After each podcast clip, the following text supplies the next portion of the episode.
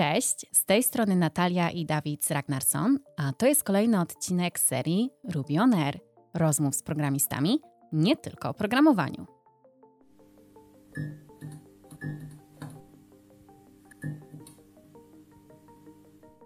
Od pojawienia się Ruby minęło już ponad 27 lat. Według Wikipedii ten język od 2003 roku lawinowo zdobywał nowych zwolenników za sprawą Railsów, czyli nowego frameworka. Jednak coraz częściej wśród deweloperów i w community pojawia się pytanie, czy Ruby ciągle żyje i czy ma się dobrze. Jak wspierać i odbudowywać community Ruby w Polsce? Jakie są perspektywy rozwoju dla senior deweloperów i finalnie dlaczego Ruby to nie jedynie Rails? Postaramy się znaleźć odpowiedzi na te pytania razem z Natalią Krakowiak i naszym i waszym gościem, czyli Sebastianem Wilgoszem. Pierwszym blogerem na świecie skupiającym się na Hanami, autorem szkolenia REST API, które bardzo długo utrzymywało się w czołówce na Udemy, a poza tym kontrybutorem do projektów open source i byłym mistrzem karate. Cześć Sebastian, bardzo się cieszymy, że jesteś dzisiaj z nami. Cześć Sebastian. Cześć, cześć. Bardzo miło. Ja będę miała w takim razie, Sebastianie, do ciebie pierwsze pytanie, bo tak jak przed chwilą w introduction wspomniał Dawid, jesteś nie tylko osobą, która angażuje się w społeczność Ruby i to bardzo aktywnie, mm, ale też jesteś byłym mistrzem karate. Ja kiedyś uprawiałam bardzo krótko sporty walki, e, była ta Krav Maga, mm, ale tak e, jak posłuchałam, jak mm, mieliśmy taki call nasz przed wywiadem i mówiłeś o karate, to zastanawiam się, czy to w jakiś sposób, te treningi, te wiele lat tego trenowania e, wpłynęło jakoś na twój etos pracy, na sposób, e, w jaki podchodzisz w ogóle do, do programowania? E, myślę, że tak. Myślę, że, że to, że trenowałem karate tyle lat i że osiągałem sukcesy, wpłynęło nie tylko na programowanie, ale na całe moje życie, na wszystkie dziedziny, którymi się zajmuję, że to w jakiś sposób mnie ukształtowało. Także jestem w 100% pewien, że byłbym zupełnie innym człowiekiem i na zupełnie innym miejscu, gdybym nie trenował karate e, za młodu. Z takich najważniejszych mm, rzeczy, e, które mogę wymienić, które przychodzą mi do głowy, to jest e, odroczona gratyfikacja. O. Bo teraz, jak jestem dorosły, mhm. cały czas uczę się, że w biznesie czy w inwestycjach ważna jest ta odroczona gratyfikacja. Natomiast my jako dzieciaki, te też te młode pokolenia jesteśmy um, nakłaniani do konsumpcji, jesteśmy nakłaniani do tego, żeby natychmiast e, zbierać benefity swojej mhm, pracy. Mm, Natomiast karate było takim sportem, którym trzeba naprawdę długo trenować, żeby osiągnąć pierwsze efekty. Mm -hmm. Miałem znajomych w podstawówce, którzy trenowali boks i po miesiącu, czy po trzech miesiącach wytężonych treningów byli w stanie jakby rozkładać na macie dzieciaków, współrówieśników, mhm. którzy, e, którzy w karate trenowali, nie wiem, 2-3 lata. Przez to sport bardzo szybko zyskiwał, e, przez to boks bardzo szybko zyskiwał popularność, mhm. a w karate zawsze było, e, był niszowe, zawsze było to mniej osób, zawsze to, to wymagało pewnego celu i pewnego znajomości swojego dlaczego, dlaczego coś robię, dlaczego chcę mhm. akurat tutaj trenować, a nie to, co jest łatwiejsze, przyjemniejsze, szybsze, no i na pewno bardziej popularne wśród rówieśników. Okej, okay. czy to jakoś się przełożyło na wybór języka programowania, w którym potem się zaczęli specjalizować? Bo jednak no, Ruby to nie jest ten najbardziej popularny język, tylko bardziej w kierunku już niszowego. Y, ja myślę, że to przełożyło się na wszystko, bo mhm. E, fakt, że ja osiągałem sukces w karate sprawiło, że a było to niszowe, to jeszcze nie była dyscyplina olimpijska wtedy, mm. więc były trudności z pozyskiwaniem sponsorów, ze, z pozyskiwaniem um, jakby jakiegoś um, rozgłosu w mediach, mm -hmm. czegokolwiek. I naprawdę trzeba było znać swój powód. I potem to ukształtowało mnie w taki sposób, że ja nie szukam tego, co robi większość. Jakby nie do końca mnie obchodzi, e, czy Ruby jest najbardziej popularnym, czy gdy zaczynałem, mhm. ja zaczynałem w 2010, poznałem Rubiego w ogóle, e, Rajsy już wchodziły do Polski, już weszły do Polski, natomiast czy to był najpopularniejszy język? Wtedy, wtedy był taki hype już na, na mhm. wtedy był już taki hype na Ruby, na Rajsy, natomiast nie sądzę, żeby to było e, jeszcze ten, ten główny nurt, że, że po prostu E, wszyscy chcą tylko w Rubim programować i tylko o tym chcą słyszeć i tak dalej. Jasne. Natomiast ja też nie byłem w ogóle zaznajomiony z żadnymi statystykami. Ja poznałem Rubiego. Spodobało się. Podobało mi się. zobaczyłem, jak fajnie e, się w tym programuje względem wszystkich innych technologii, które Mhm. e, poznawaliśmy na studiach, e, wszystkich innych języków czy frameworków. E, Od, kiedy zacząłem się uczyć Rubiego, to wszystkie projekty e, na studiach zacząłem robić w Rubim. Nawet gdy się nie dało, to, to się dało. To się dało. Zawsze się znalazło coś takiego. Tak, nie? e, więc naprawdę e, wiedziałem, że to lubię i wiedziałem, że w tym kierunku chcę iść. I zupełnie e, nigdy nie doświadczyłem żadnych trudności związanych z tym, że Ruby e, albo było wtedy, albo Mhm. jest teraz e, mniej popularne. Super, ja trochę zazdroszczę takiej pewności, e, bo jeżeli ktokolwiek będzie chciał zobaczyć na mój LinkedIn, to ja mam bardzo różnorodne z różnych dziedzin doświadczenia a, i nigdy nie miałam takiej jasno wytyczonej ścieżki. Może to właśnie dlatego, że nie, nie wytrwałam w trenowaniu jakichś powiedzmy tych sportów, bo to, tak jak mówisz, bardzo zmienia też podejście, bardzo dyscyplinuje. Mm, moim zdaniem podziwiam, no po prostu fajnie. Fajna historia. To hartuje, hartuje ducha, prawda? Mhm. Bardzo wiele osób, które uprawiają sport, e, właśnie szybciej znajduje odpowiedź na to swoje dlaczego. Znajduje odpowiedź na tą. E, e, jakby ten sport pomaga znaleźć odpowiedź na to, co jest tą moją motywacją, dlaczego ja Mm. coś robię, tak?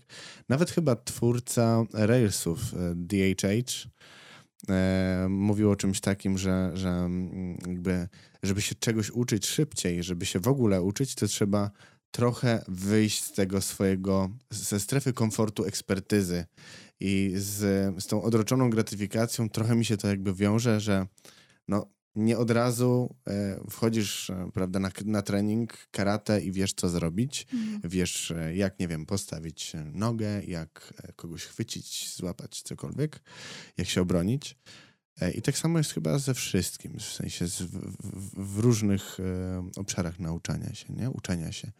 Że trzeba po prostu wyjść ze strefy komfortu i poczekać na ten pierwszy efekt, do, do, do przyłożyć jakąś siłę, e, jakiś wysiłek i dopiero wtedy to przynosi owoce.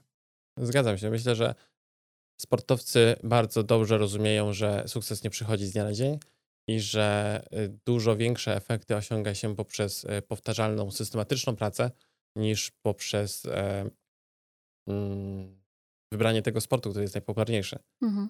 Bo gdybyśmy w ten sposób szli, to jakby wszyscy Każdy by byliby... kopał piłkę. Dokładnie. Wszyscy byliby super e, znanymi piłkarzami, a tak Mhm. nie jest. Natomiast e, jakby najwięcej osób się interesuje piłką nożną. Mhm. Co wcale nie sprawia, że najłatwiej jest w piłce nożnej osiągnąć sukces. Wręcz Mhm. powiedziałbym, że odwrotnie. Konkurencja jest olbrzymia. Konkurencja jest olbrzymia, ale gdy wejdziemy to, jak uczeni są dzieciaki piłki nożnej, e, to zobaczymy, że związki piłki nożnej, kluby sportowe przyjmują sześciolatków, e, często dzieci z rodzin już e, byłych piłkarzy lub, lub trenerów. Oni byli nie tylko jakby od samego początku w całym tym środowisku, ale są też wychowywani w znajomości tego, jak cały ten system funkcjonuje. I natomiast tego zupełnie nie widać. To trzeba się naprawdę zainteresować tym, jak to wszystko działa. Mhm. I e, tak działa we wszystkich najpopularniejszych jakby dziedzinach, najpopularniejszych e, mm, instytucjach, tam gdzie, mm, czy inicjatywach, tam gdzie jest najwięcej osób, najtrudniej osiągnąć sukces. Tak? Nie, ale Dobra. bo ja widzę tą niszowość, nie? Że ty sobie wybrałeś Hanami jako taki niszowy framework. Mhm. Y, To tak jakby taka mała dysgresja, ale mm, zatrudniliśmy ostatnio bardzo fajną programistkę, w ogóle mega dziewczynę, e, rubistka. Ja do niej mówię właśnie, że będziemy mieli z tobą wywiad e, i będziemy gadać sobie trochę o Hanami. Ona zrobiła wielkie oczy i mówi, co to jest Hanami, nie? Jakby ma chyba 4-5 lat doświadczenia. Mówi, w życiu nie słyszała o Hanami. Nie ma się co dziwić. Dla wielu em, Ruby to Railsy Dokładnie. i to ma związek z tym, że Ruby, tak jak powiedziałeś, jest na rynku 27 lat, No. natomiast Railsy dużo krócej. Mhm. od 2004 czy 2005 w ogóle e, zostały e, wyciągnięte z Basecampa. Natomiast Ruby zyskało popularność dopiero po wyjściu z Railsów. Dlatego, że Railsy zrobiły rewolucję w e, tworzeniu projektów, aplikacji, startupów webowych, e, dostarczenie mm, projektów od fazy, od fazy konceptu, pierwszego kontaktu z klientem do Mhm. wypuszczenia MVP na rynek. E, To była po prostu rewolucja na rynku. Potem wiele frameworków e, wyciągnęło te koncepty z Railsów i teraz Mhm. jest dużo bardziej zaostrzona konkurencja e, też w różnych innych językach. Natomiast to była ta rewolucja jakby i przez tą rewolucję stworzył się hype i mnóstwo osób zainteresowało się Rubim i Railsami. Natomiast Ruby wyłącznie przez Railsy zostało zaadoptowane do webówki mhm. i wszystko kręciło się wokół webówki. Jakby, więc wszystko kręciło się wokół Railsów. Nawet po tym, jak zaczęły wychodzić inne frameworki dookoła, to one nie zyskiwały takiego rozgłosu, dlatego że w tej pierwszej fali hype'u e, zaczęły powstawać bardzo duże projekty, takie jak GitHub czy Shopify, które później e, urosły i ciężko było innym e, frameworkom się przebić, mm. E, widząc, że jest tak duże community. E, na Stack Overflow są dziesiątki tysięcy pytań i odpowiedzi na temat Railsów. Railsów. I mm. jest też tak duży support jakby w interesie firm, e, korporacji, które osiągnęły sukces mm. na Railsach. Było w interesie, żeby e, Railsy miały support, miały sponsoring, miały jakby otwartą drogę do tego, żeby, żeby ewoluować. No właśnie. Powiedziałeś, że dla większości Ruby równa się Rails, a ty mimo wszystko wybrałeś Hanami i trochę chciałbym o tym Hanami, chcielibyśmy o tym Hanami porozmawiać. Jakie są takie największe różnice między Hanami a Railsami? Ale zanim to, to co tak naprawdę przyciągnęło cię do, do Hanami jako frameworku? Gdy dołączyłem do e, projektu, w którym e, pracowałem poprzednio, mm, był to dziesięcioletni monolit który mm. my staraliśmy się jakby przenieść na, e, na mikroserwisy, ale zanim e, dojrzeliśmy do decyzji tego, żeby rozdzielić go na mikroserwisy, próbowaliśmy na różne sposoby poprawić jakość pisanego kodu. Wiadomo, mm. że jakby w fazie startupu trzeba było szybko dostarczać feature'y, więc e, ludzie się zmieniali, więc mm, jakby kod no, nie był najlepszej jakości, często przeplatał się między sobą. Mhm. I po 10 latach no, e, naprawdę były problemy z, z zarządzaniem tym wszystkim.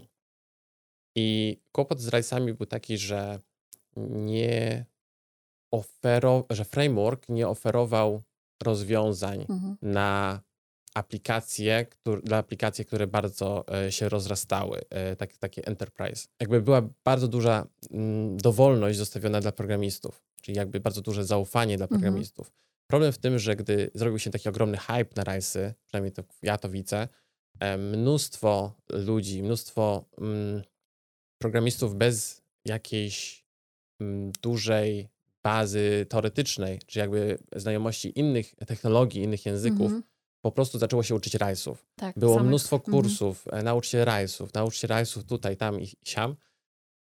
I nikt nie był zainteresowany tą teorią, e, jak, e, jak pisać kod tak, żeby łatwo się było mhm. nim zarządzać. Paradygmaty programowania, jakby to przez jakiś czas nie istniało. Ja jakby, gdy wyszedłem z tego akademickiego mm, podejścia na, na, na Politechnice, mhm zakochałem się w tym.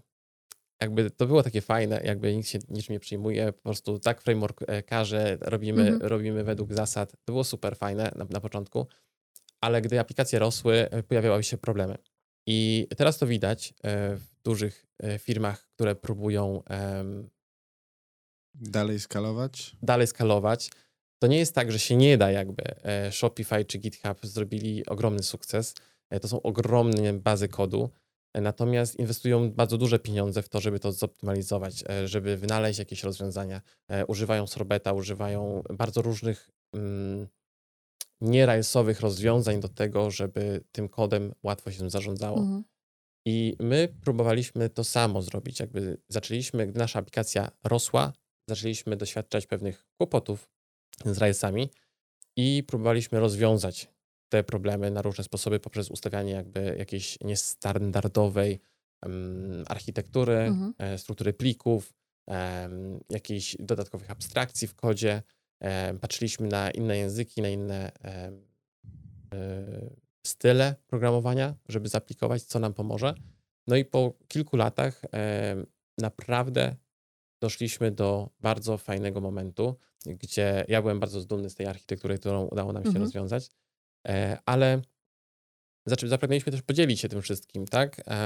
Nie trzymać tego wewnątrz e, firmy tylko. E, I zaczęliśmy badać, czy mm, inne, inni ludzie mają te same problemy lub podobne mhm. problemy. Okazało się, że rzeczywiście mają i to do tego stopnia, że, mm, że piszą własne frameworki. Mhm. Także w ten sposób mój kolega z zespołu pokazał mi Hanami. Zacząłem badać e, ten, ten framework i zrozumiałem, że na punkcie koncepcyjnym mają bardzo dużo wspólnego z tym, co my próbowaliśmy wprowadzić w Rajsach. Mhm. mhm. Tylko, czyli jakby zupełnie niezależny zespół na drugim końcu świata równolegle pracował nad tymi samymi e, konceptami. Hanami w pierwszej wersji już istniało parę lat na rynku, e, natomiast prace nad nim zostały już trochę e, zarzucone i w momencie, kiedy ja zacząłem badać ten temat, okazało się, że są robione prace nad wersją 2.0, mhm. co jest kompletnym przepisaniem frameworku, czyli jakby z, zebraniem feedbacku od ludzi, którzy już korzystali z tej wersji pierwszej i rozwiązaniu tych wszystkich problemów, czyli mhm. jakby no, dojściu do perfekcji w tych komponentach. Na punkcie filozoficznym, jakby koncepcyjnym, to bardzo um, sprzyjało temu, co my wprowadzaliśmy w naszej firmie. Więc naturalną rzeczą jest, że um, za, zostałem, zainteresowałem się przetestowaniem tego frameworku wewnątrz firmy. Mm. Pracowaliśmy już wtedy na, w koncepcji mikroserwisów, czyli dość łatwo było przetestować przy nowym serwisie E, nowy framework, tym bardziej, że to był dalej Ruby. Mhm. E, no i dostałem białe światło, że mogłem, czy zielone światło. Zielone. Więc dostałem zielone światło, żeby przetestować ten framework. E, no i po, udało mi się, udało mi się, wypuściłem na produkcję, no, może tak, gotową do produkcji aplikację. Mhm. I uznałem, że nie idziemy w to. O. O. Tak. A dlaczego? Dlatego, że Hanami było wtedy w wersji deweloperskiej jeszcze nie było alfa. Mhm. Społeczność y, za Hanami była bardzo mała, dlatego że właśnie to było jeszcze prealfa, to y, po prostu um, bardzo wcześnie. Mhm. I nie było zasobów. Nie było zasobów do nauki. Ja, patrząc na framework, y, budując w nim aplikację, po prostu się w nim zakochałem. Uważałem, że to jest świetny projekt, mhm. rozwiązuje wszystkie problemy, na które my trafiliśmy, natomiast z punktu widzenia klienta było to bardzo duże ryzyko, mm. dlatego że ja jako senior mogłem się nauczyć, patrząc po prostu na kod czy na testy, które były napisane, jak mm. zrobić różne rzeczy w Hanami i jak dostarczyć aplikację. Natomiast nie wszyscy byli seniorami, a co bardzo bardziej istotne, nie wszyscy byli zahypowani Hanami, mm. okay. więc jakby żeby przekonać cały zespół do tego, żeby przeszedł z rajsów na Hanami, to musiałbym mieć dobry powód, mhm. ale też musiałbym im to mocno ułatwić. Tak. Mhm. I w tym momencie brakowało zes... Aha. I trzecim powodem, w tamtym momencie e, Hanami to był bardzo, bardzo mały zespół. To było mhm. dosłownie chyba trzy osoby, które wow. E, bardzo się angażowały i ciężko było śledzić progres, ciężko było um, śledzić, co się dzieje w, e, w developmencie. Mhm. Więc z punktu widzenia klienta było to bardzo duże mm, ryzyko, Ryzykowne. więc mu to odradziłem. Natomiast równocześnie jakby powiedziałem, że nie, nie przechodzimy na dany moment. No i postanowiłem zaadresować te wszystkie problemy, czyli pomóc w rozwoju zespołu programistycznego poprzez zebranie funduszy na development, mhm. pomóc w braku zasobów edukacyjnych poprzez publikację i tworzenie takich zasobów i y, przyspieszenie prac zebranie też community wokół projektu poprzez aktualizację, dołączenie do teamu i e, pracę nad dokumentacją, e, nad, nad ułatwieniem rozpoczęcia prac e, mhm. z Hanami, czy zabawy z Hanami dla młodych programistów. Super, wow. czyli wziąłeś sprawy w swoje ręce tak naprawdę. Dokładnie. Czy można powiedzieć, że Hanami miało trochę rozwiązywać problemy, które miały Railsy i ty pomogłeś rozwiązać e, problemy Hanami? Mm, jakby nie wiem, czy ja pomogłem rozwiązać je, ja cały czas to robię. Mm. Natomiast um, zauważyłem jako e, lead developer wtedy w firmie, że technologia nie jest gotowa, natomiast projekt jest bardzo um, obiecujący, mhm. bardzo wysokiej klasy. E, ilość czasu, ilość energii, którą ci ludzie e, poświęcili na to, żeby to zrobić, jest po prostu oszałamiająca. I postanowiłem zaadresować te kłopoty, które, ja zauważyłem, e, bo zrozumiałem, że ludzie, którzy pracują nad dostarczeniem tak dobrego produktu, często pracując po godzinach, bo to wszystko open source, mm. e, mają swoje rodziny, swoje hobby i swoje prace na etat, mm. po prostu mogą nie mieć czasu zaadresować dokładnie tego, o czym ja mówię, a co jest Jasne. dla klienta ważne. E, dlatego dołączyłem jako nie tyle core programista, a bardziej propagator treści czy, mm, czy maintainer e, do dokumentacji. Mhm. No właśnie, jako ten propagator treści, um, byłeś prawdopodobnie jednym z pierwszych w ogóle um, blogerów, którzy pisali o Hanami. Czy to prawda? Podejrzewam, że nadal jestem. Że nadal? Znaczy, może nie tyle, co pisali o Hanami, ale Aha. rzeczywiście na tym się skupiają. Podejrzewam, że nadal jestem. Jeszcze, jeszcze chyba e, nie... Wy... No, no dobrze, pomijając e, core mhm. deweloperów, tak, mhm. programistów, Hanami ma swój blog, gdzie co miesiąc wypuszczają aktualizacje, wpisy o, o tym, e, co tam nowego się wydarzyło. Mhm. Natomiast jeżeli chodzi o niezależnych blogerów, to tak, wydaje mi się, że jestem e, rzeczywiście pierwszy. Niesamowite. Czyli tak trafiasz do takiej bardzo niszowej y, grupy odbiorców. Dokładnie. Fajnie. Ilu, ilu użytkowników teraz ma Hanami? Jakby jak, jak e, często jest wykorzystywany jako taki framework do budowy aplikacji komercyjnych? Nie mam zielonego pojęcia. Okej, okay, nie mam. Ciężkie pytanie. Nie mam, nie mam najmniejszego pojęcia. Próbuję to, um, próbuję to zweryfikować i sprawdzić y, ze względów y, jakby prywatnych. Mm. Y, jakby ze względu, chciałbym dotrzeć do tych firm z moim blogiem, mm -hmm. żeby im powiedzieć, że coś takiego istnieje. Być może zasugerują, jakimi treściami są zainteresowani. Natomiast nie wiem. -hmm. Byłem bardzo pozytywnie zaskoczony gdy się okazało, że takie firmy są i są wcale nie małe, że mają wielomilionowe biznesy pobudowane w oparciu o framework Hanami. To było dla mnie bardzo dużym zaskoczeniem, pozytywnym i nadal nie mogę się otrząsnąć. Wow, okay. nieźle. A ja bym chciała wrócić do tego, co ty powiedziałeś przed chwilą, czyli w sumie opisałeś taką historię mm, firmy, która próbowała odkryć koło, koło na nowo, zanim dowiedziała się, że takie rozwiązanie jak Hanami istnieje.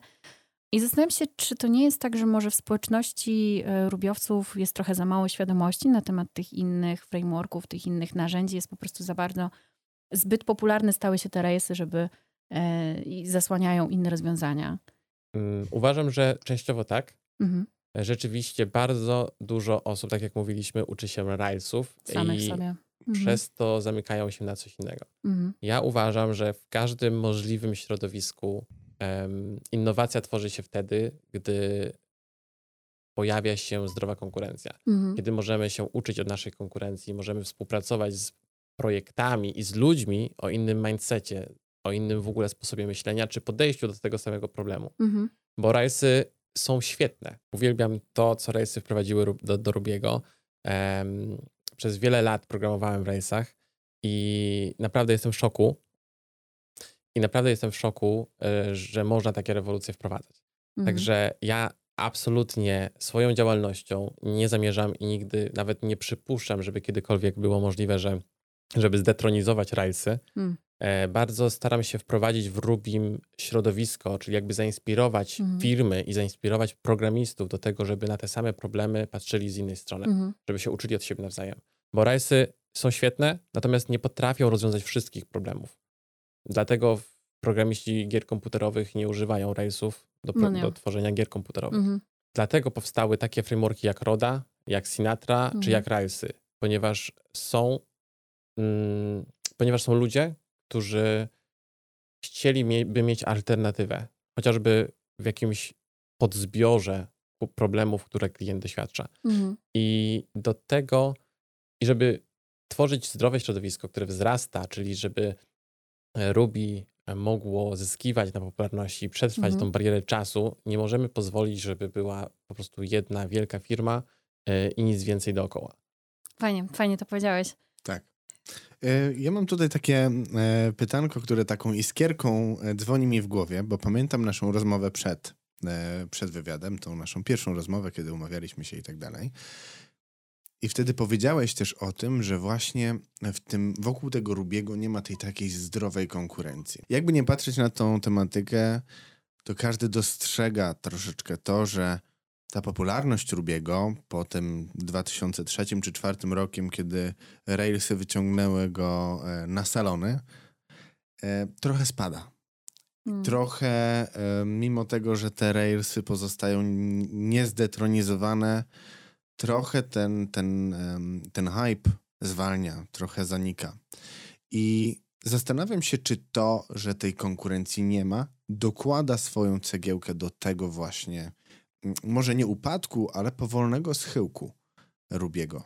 Nie zgodzę się, żeby to był schyłek Rubiego. E, natomiast wydaje mi się, że to jest dłuższa dyskusja. E, nie ma hypu. Obecnie wśród młodych ludzi uważam, że rzeczywiście tego hypu jest dużo mniej. I tak, tak, jestem święcie przekonany, że to, że w świecie Rubiego jest promowana, mm, promowane podejście The Rails Way, czyli jakby idźmy, programujmy, twórzmy wszystko tak, jak framework nam mówi, który jest bardzo ogólnym frameworkiem do tworzenia bardzo różnych projektów, to sprawia, że tej że ludzie, którzy mają inne podejście czy inny punkt widzenia, e, mają trochę podgórkę. I to zniechęca część osób do, e, czy zniechęcało e, część osób do, do pracy w Rubim i szukają innych rozwiązań. Jeżeli jest tak bardzo pod górkę, to, to szukają innych społeczności czy innych technologii.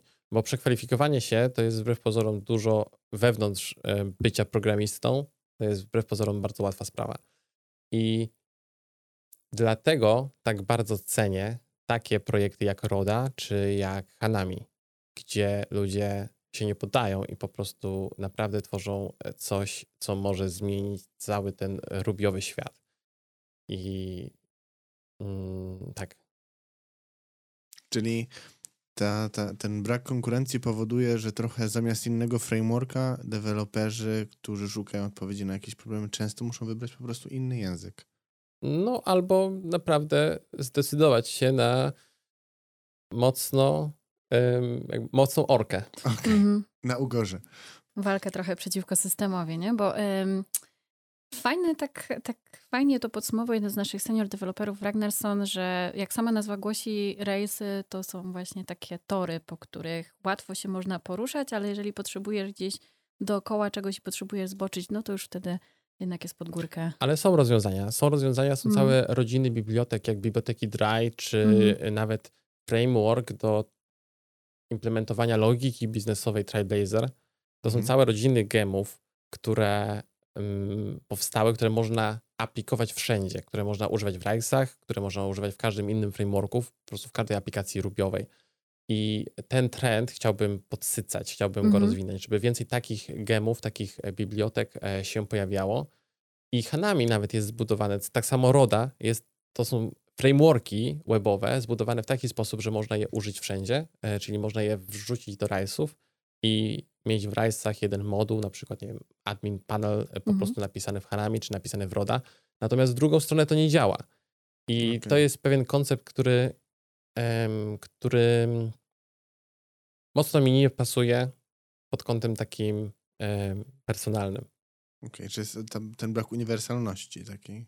Takie zamknięcie się. Z jednej strony technologia jest po prostu tak zbudowana, że, że RISE, jakby można się dostosować do RISe'ów, ale nie RISe'y do, mhm. do innych frameworków, gdzie, gdzie wszystkie frameworki dookoła budują, mm, budują środowisko współpracy.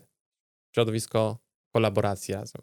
I w ten sposób naprawdę dużo lepsze rozwiązania mogą powstawać, uważam. Chciałabym nawiązać do tego, co już tak parę razy powiedziałeś e, w trakcie naszej rozmowy, czyli że próbujesz rozpalić na nowo tą iskierkę w, w społeczności Ruby. Mm, I moje pytanie jest, e, czy robisz, czy mógłbyś nam powiedzieć, co jeszcze dodatkowego robisz, e, żeby to community pobudzić? No i co byś chciał częściej widzieć wśród innych deweloperów? Jakie zaangażowanie? Ja jestem mocno zainspirowany te, pewnymi postaciami e, ze środowiska Rubiego, mm. między, innymi, e, między innymi Andrzej Krzywda, z którym mieliście wywiad, tak. albo Piotr Solnica, mm. chyba najbardziej zaangażowany open sorcerer, programista open source, jakiego znam.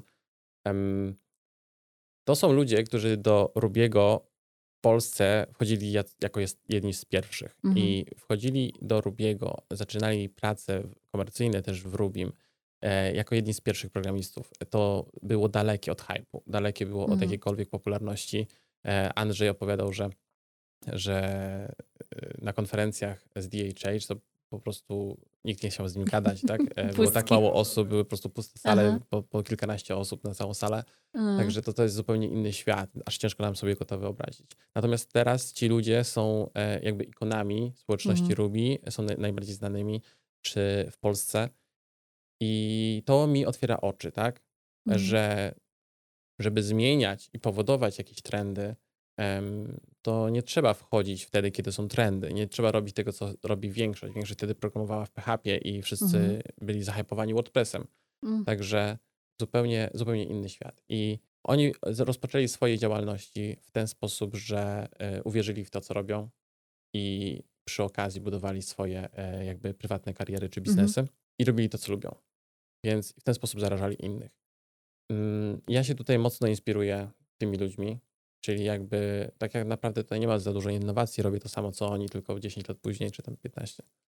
E, czyli jakby staram się edukować, staram się publikować, staram się produkować materiały, staram się mówić o tym, że o tym moim podejściu do Rubiego i staram się kontrybuować, pomagać programistom open source w zarządzaniu, w rozwijaniu ich bibliotek, bo, e, bo to jest ciężka robota i jestem zafascynowany tym, ile czasu oni potrafią poświęcić, jak dobre produkty, projekty potrafią e, stworzyć i dostarczyć, niejednokrotnie ułatwiając życie wielu, wielu Mhm, firmom, mhm. które potem budują olbrzymie biznesy wokół tego.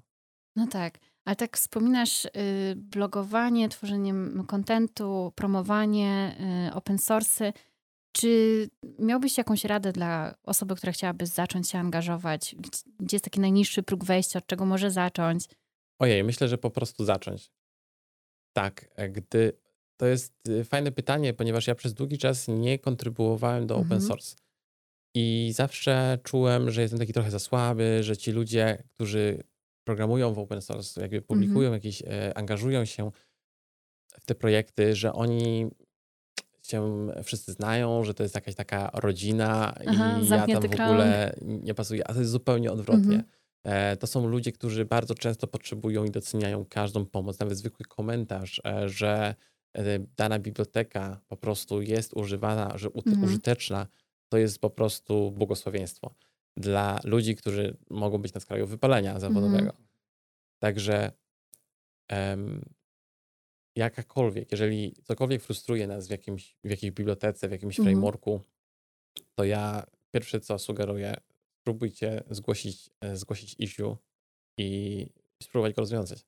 Mhm. Ściągnąć sobie projekt i spróbować go rozwiązać. Albo uderzyć do programisty, do, do, który, który zarządza projektem i Mhm. zapytać się, czego potrzebuje. Bo e, ja dokładnie to, to zrobiłem. Zacząłem publikować mm, materiały Mhm. edukacyjne, ale zapytałem się programistów Hanami, czy potrzebowaliby pomocy na przykład w dokumentacji. I okazało się, że bardzo, że bardzo, że po prostu nie mają czasu. Mhm. Więc jakby oni poprowadzili mnie, jakby w czym się zaangażować, co Mhm. mogę zrobić dalej. Także myślę, że w ten sposób. Jeżeli chodzi o rady dla programistów, to, to jest Mhm. takie dosyć ogólne pytanie. Ja bardzo szybko już w karate nauczyłem się, że najszybciej się uczę nauczając, Mhm. więc zawsze wszystko, co robię, od razu dzielę się wiedzą, piszę blogi. nieważne, czy one osiągną sukces, ja personalnie mam korzyści niesamowite z tego, że dzielę się wiedzą i uczę się Mhm. od społeczności. Nauczyłem się tego w karate i zawsze będę to robił, nieważne, czym się będę w życiu zajmował. I przenosisz to na pole zawodowe. Fajnie. Y, Ja kojarzę, że jeszcze y, właśnie w tych naszych pierwszych rozmowach mówiliśmy też pokrótce o tym, jak firmy mogą wspomóc społeczność. Y, Jakie są Twoje tutaj sugestie? Co można robić, żeby jednak e, to, to lubi bardziej promować i wspierać? Y, Znam firmy, które przez e, lata gromadzą prezentacje, gromadzą e, wideo, gromadzą artykuły Mhm. wewnątrz firmy Mhm. i nigdy tego nie publikują do, do szerszego grona odbiorców. I często nie ma tutaj żadnej winy ani złej inicjatywy. Po prostu nikt nie myśli o tym, nie ma, Mhm. nie ma tej inicjatywy, żeby to opublikować, żeby ktoś się tym zajął. I uważam, że em, opublikowanie przynajmniej części swoich materiałów sprawiłoby, że bardzo duża ilość e, nowej krwi do Rubiego by trafiła. Aha. Wystarczy spojrzeć na Shopify, jak ogromne e, też nakłady teraz finansowe oni poświęcają czy przekazują na e, rozwijanie, na rozwój e, społeczności Rubiego. Mhm. Natomiast tak naprawdę e, jest sporo firm, które pomagają. Natomiast dużo więcej zwyczajnie nie pomyślało o tym, żeby Mhm. pomagać. Że można coś zrobić. tak, więc jeżeli, żeby uderzyć do i ilości pomocy, jakby rodzajów pomocy jest mnóstwo, od Mhm. wspierania takich inicjatyw jak moja chociażby, poprzez inicjatywy, jakby konkretne projekty bezpośrednio Mhm. na GitHubie. E, teraz GitHub Sponsors to jest e, coraz e, bardziej popularna inicjatywa, ale też mm, znam firmy, gdzie, które poświęcają część mm, jakby czasu pracy pracowników na to, Mhm. żeby kontrybuowali do projektów open source, od których firma zależy. Mhm. Czyli jakby zarówno Basecamp, jak i Shopify. Wiem, że było tego więcej, ale nie chcę tak e, mówić z pamięci, bo, bo pewnie wszystko po, pomieszam. Jakby dawało swoim programistom dedykowany czas, Mhm. żeby e, kontrybuować do RISe'ów chociażby. Mhm. Albo zatrudniali RISe'ów na, e, nie wiem czy to akurat te firmy, ale po prostu były firmy, które zatrudniały RISe'y na przykład na pół, no, znaczy, programistów, którzy Mhm. przez pół roku mogli pracować nad RISe'ami, nad ich Mhm. rozwojem Mhm. to jest ogromna, ogromna pomoc No dla tak. Takiego frameworka, jakimi są, są RISy, czy, czy jakiegokolwiek projektu open source. Więc e, możliwości jest wiele. Mhm. Wystarczy się zastanowić, pomyśleć, a najlepiej zapytać e, osoby, które, które nad tym pracują. To jest Super. bardzo, bardzo ciekawe podejście i myślę, że też takie bardzo, taki bardzo mm, widoczny i głośny apel do tego, żeby nie tylko brać, ale też dawać trochę do tego community, żeby to, czyli to, to jest coś, co je trochę ożywi, prawda? E, Trafiłem na podcast, e, wywiad z Adamem Grantem, to jest autor książki e, Give or Take i bardzo mocno mnie też zainspirowała Mhm. do tego, żeby bardziej się skupić, jakby więcej myśli, czy więcej energii mentalnej poświęcać na to, czy daję do społeczności, czy mam taką chęć brania z tej społeczności. Ale fakt jest taki, że ja dzięki Rice'om, dzięki Rubiemu em, mam naprawdę dobrze, zawodowo dobrze i czuję wewnętrzną potrzebę, żeby pomóc innym ludziom, którzy e, na przykład nie odkryli Rubiego jeszcze, Mhm. a mogą, dlatego że to jest świetny język i e, dzięki takim projektom właśnie jak Hanami em, Ruby może mieć znowu jakby e, złote czasy Mhm. w nadchodzących latach. A, no chciałbym być tego częścią. Rozmawiamy trochę o kontrybuowaniu do open source'ów, o dokładaniu swojej cegiełki do rozwoju poszczególnych języków, technologii, frameworków. Ale poza tym e, zdaje się, że w promowaniu Rubiego brakuje czegoś takiego, co widać bardzo mocno w promowaniu innych technologii, czyli aktywnie są takimi ewangelistami, młodzi już nawet, poko- młode już nawet pokolenie programistów jest aktywnymi mm, ewangelistami danego języka. I kiedy przygotowywaliśmy się do wywiadu, powiedziałeś coś takiego, e, co bardzo przykuło moją uwagę i bardzo chciałbym o to bardziej, jakby głębiej zapytać. Chciałbym dowiedzieć się na ten temat więcej. Czyli, że to, co gdzieś tam zostało pominięte, jeżeli chodzi o community w Ruby, w Polsce przynajmniej, to jakby wychowanie kolejnego pokolenia młodych i chcących dalej rozwijać community deweloperów. Możliwe. Natomiast nie jestem pewien, jak można by to po prostu zmienić. Uważam, że gdy Ruby wchodziło do e, Polski, tak, e, to osoby niekoniecznie bardzo młode mia, robiły inicjatywy, by uderzać do, do młodych ludzi z Rubim właśnie. Czyli e, taki Andrzej Krzywda, jak ja Mhm. z nim rozmawiałem, to e, zaczynał od robienia wykładów w szkołach, czy na jakichś targach pracy, tak? Organizował konferencje właśnie dla młodych ludzi, żeby ich tym mm, za, zapalić, tak? Mhm. Żeby im do nich jak najwcześniej trafić. I znowu, czy ja wiem, że to. Nie wydaje mi się to, żeby to jakoś bardzo młodzi ludzie powodowali takie trendy. Bardziej takie inicjatywy, by uderzać i rozpalać młodych ludzi, e, powodują takie trendy.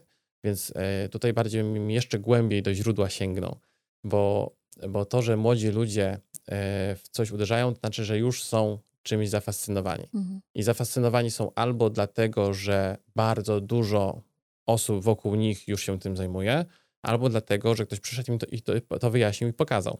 Więc um, tutaj jakby w ten sposób rzeczywiście um, jest pewna dziura, ale absolutnie nie czuję, żeby był kłopot tym, że programiści w, jakby Ruby, programiści Ruby nie, nie będą mogli znaleźć pracy za parę lat, bo nieważne, w którą stronę ja się obrócę, wszystkie firmy zatrudniają. Mhm. mhm. I mało tego, jakby zupełnie się nie przejmuję tym, że nawet gdyby kiedykolwiek Ruby straciło popularność, to ja się zawsze mogę przekwalifikować. Mhm. Jakby zupełnie, wydaje mi się, że mnóstwo młodych ludzi zaczyna swoją karierę na emocjach, jakby biorą to, co jest popularne, że e, szukają tego, gdzie najwięcej jest ogłoszeń o pracę albo...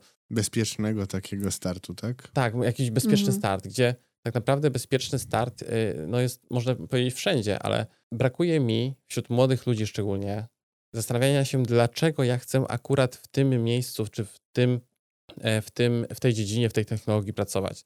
Bardzo dużo jest programistów JavaScript, coraz mhm. więcej. Mhm. Natomiast to powoduje pewne problemy, bo bardzo dużo młodych programistów e, na hypie wchodzi w Reacta i zaczyna tworzyć biblioteki, które są e, niekompatybilne z innymi. Mhm. mhm. Jest dużo trudności w zarządzaniu bibliotekami NPM, czy bardzo dużo jest takiego jakby bałaganu w ekosystemie bibliotek w JavaScriptie. Hmm. I to słyszę od moich kolegów programistów JavaScriptu, że po prostu rozwija się, pojawiają się te biblioteki bardzo, bardzo szybko i się robi chaos. Ciężko jest pracować, funkcjonować. Mhm.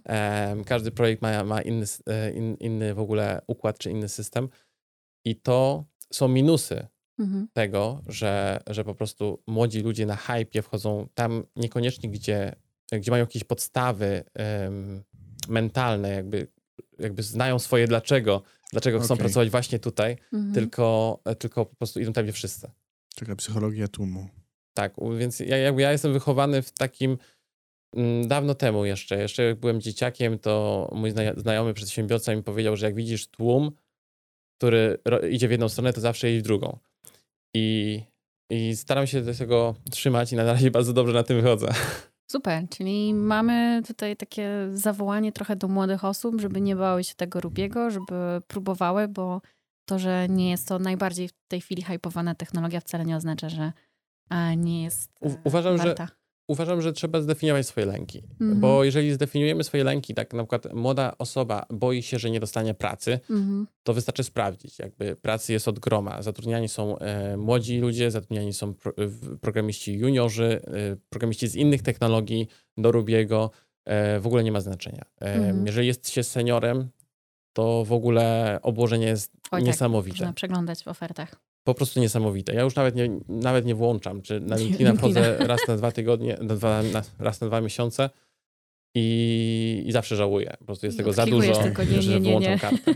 Także jest naprawdę od groma mhm. wszelkich ofert. Um, pracy naprawdę nie brakuje i zawsze można się przekwalifikować. Jakby ja nie wierzę, że za 20 lat kiedy 10 lat trzeba, żeby być e, seniorem, może, można powiedzieć, może mniej, może nie wiem, 6-7 lat, ale to jest w webówce ogrom, ogrom czasu. Mhm. technologie upadają, wzrastają, zmienia się wszystko. Ja nawet, nawet e, będąc pełnoetatowym programistą nie jestem w stanie nadążyć tym, co się dzieje w samym środowisku Ruby a co dopiero e, w ogóle w innych technologiach. Mhm. Dla mnie nielogiczne jest myślenie, że e, jeżeli ja zacznę w JavaScriptie czy zacznę w Reakcie teraz, że będę w nim pracował za, za 20 lat. To jest, e, warto się zastanowić po prostu, szczególnie jak się zaczyna karierę, czego mhm. ja się tak naprawdę boję. Czy ja się boję czegoś zupełnie innego, że na przykład nie będę miał znajomych, którzy programują w Ruby. O, no to, to już jest trochę inna sprawa. Jak wszyscy idą, idą w JavaScript, no to może mhm. rzeczywiście E, być to trudność. Więc w tym momencie warto zastanowić się, czy można otworzyć jakieś inicjatywy, jakieś mhm. konferencje, jakieś edukacyjne, ale to znowu um, akcje dla, e, dla liderów, dla osób, którzy mają co we krwi, żeby, żeby takie rzeczy rozpoczynać. Jasne, ważne, żeby zacząć yy, i na przykład takim moim zdaniem niskim progiem wejścia są staże, um, oferowane staże przez i praktyki oferowane przez różne firmy, a między innymi też mamy w tym roku, więc też mamy nadzieję, że zachęcimy młode osoby, żeby spróbowały, zobaczyły, może Ruby to jest akurat ich nisza. Okej, okay. z mojej perspektywy, jako osoby, która nie jest senior deweloperem ani deweloperem w ogóle, zastanawiam się, jak w takim razie senior developer, jak osoba doświadczona, powinna patrzeć na dalszy rozwój swojej kariery. Jak budować tę ścieżkę? Myślę, że po pierwsze, nigdy nie przestawać się rozwijać i nigdy nie przestawać się uczyć. I nigdy nie wpaść w tą pułapkę, że ja już jestem seniorem, to ja już wszystko wiem. Bo wtedy to jest e, prosta do droga do tego, żeby zaraz tym seniorem już nie być.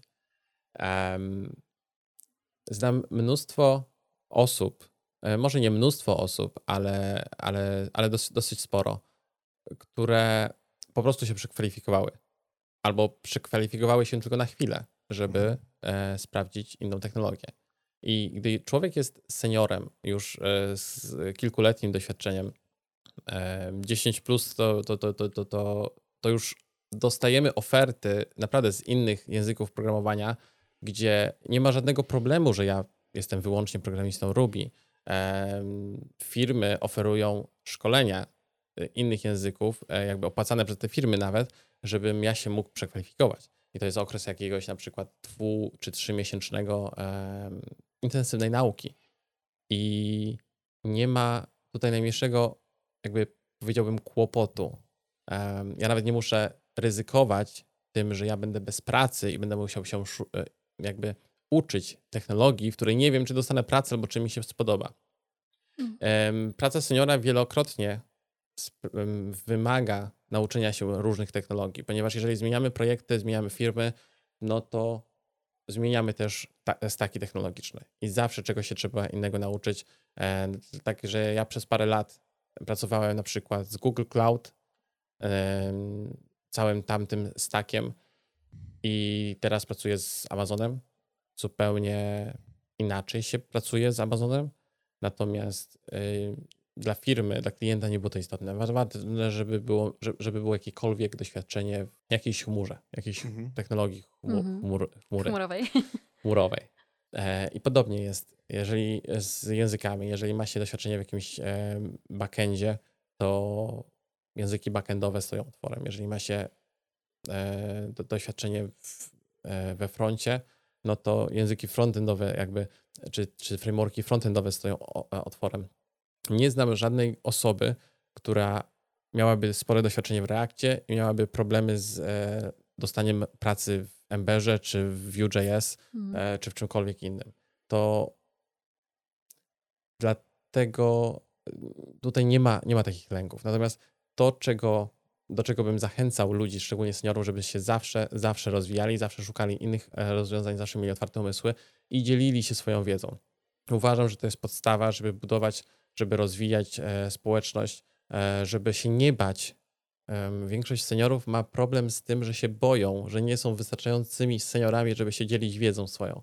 Mhm. E, albo że nie mają o czym powiedzieć. Natomiast dla wielu osób to jest bardzo potrzebne, żeby, żeby móc przeczytać czy obejrzeć doświadczenia drugiej osoby. To jest ten impostor syndrom, tak?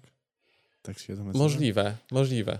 Także jeżeli ja mam jakiekolwiek rady dla, dla, dla programistów, e, dla seniorów, to żeby się nie zatrzymywać, żeby się nie hmm. zatrzymywać, żeby zawsze celować wysoko.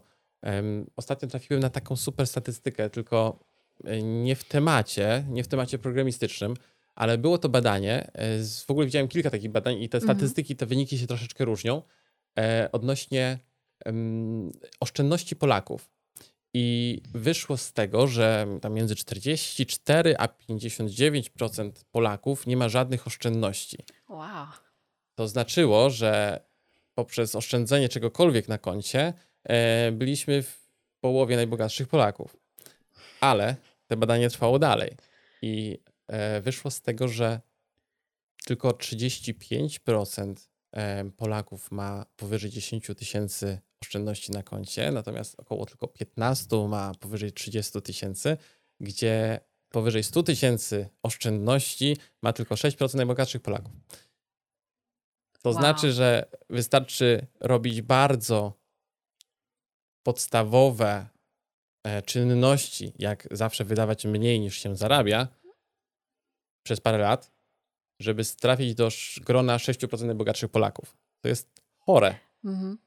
Ale uważam, że to samo dzieje się w każdej innej dziedzinie życia Mhm. że poprzez regularne treningi przez wiele lat ja trafiam do e, czołówki krajów e, karate, czy poprzez e, spędzenie zwyczajnie paru lat jako programista Ruby Mhm. plus blogowaniu na boku trafiam do jakiejś tam czołówki em, programistów Ruby. Jakkolwiek by to zmierzyć, ciężko, ciężko zmierzyć takie rzeczy, Mhm. Natomiast em, biorąc pod uwagę osoby, które się wykruszyły, czy przekwalifikowały się po drodze, ponieważ em, się czegoś przestraszyły, czy wypaliły, nie mając jakiegoś planu na swoje życie, e, przez samą, sam fakt, że, że mają już 10 e, lat doświadczenia na rynku, e, już jestem pewnie w mniejszej połowie czołowych programistów na rynku, więc siłą rzeczy jestem bardziej oblegany e, przez pracodawców, e, czy przez jakichkolwiek kontrahentów e, niż, e, niż konkurencja. I, I to jest moja rada dla, dla, dla programistów, którzy na- nadal chcą się rozwijać. Jakby znajdźmy to, co robią najlepsi, najbardziej znani, najbardziej opłacani ludzie i zacznijmy kopiować ich rzeczy, e, ich działania. Zacznijmy robić to, co oni robią lub, lub robili i zanim się obejrzymy, po prostu osiągniemy sukces niesamowity. A na tym w takim razie myślę, że skończymy. Aha, Bardzo cenna uwaga, bardzo cenna lekcja. Było nam bardzo miło. Bardzo Ci, Sebastian, dziękujemy za to, że zgodziłeś się wziąć udział w kolejnym odcinku Ruby On Air. Dzięki za zaproszenie, to było dla mnie miłe zaskoczenie. Cieszę się, że Ci się, Sebastian, podobało. Jeżeli Wam również się podobało, to nie zapomnijcie zostawić nam subskrypcji, łapki w górę i kliknąć dzwoneczka, żeby nie przegapić najnowszych odcinków. Cześć!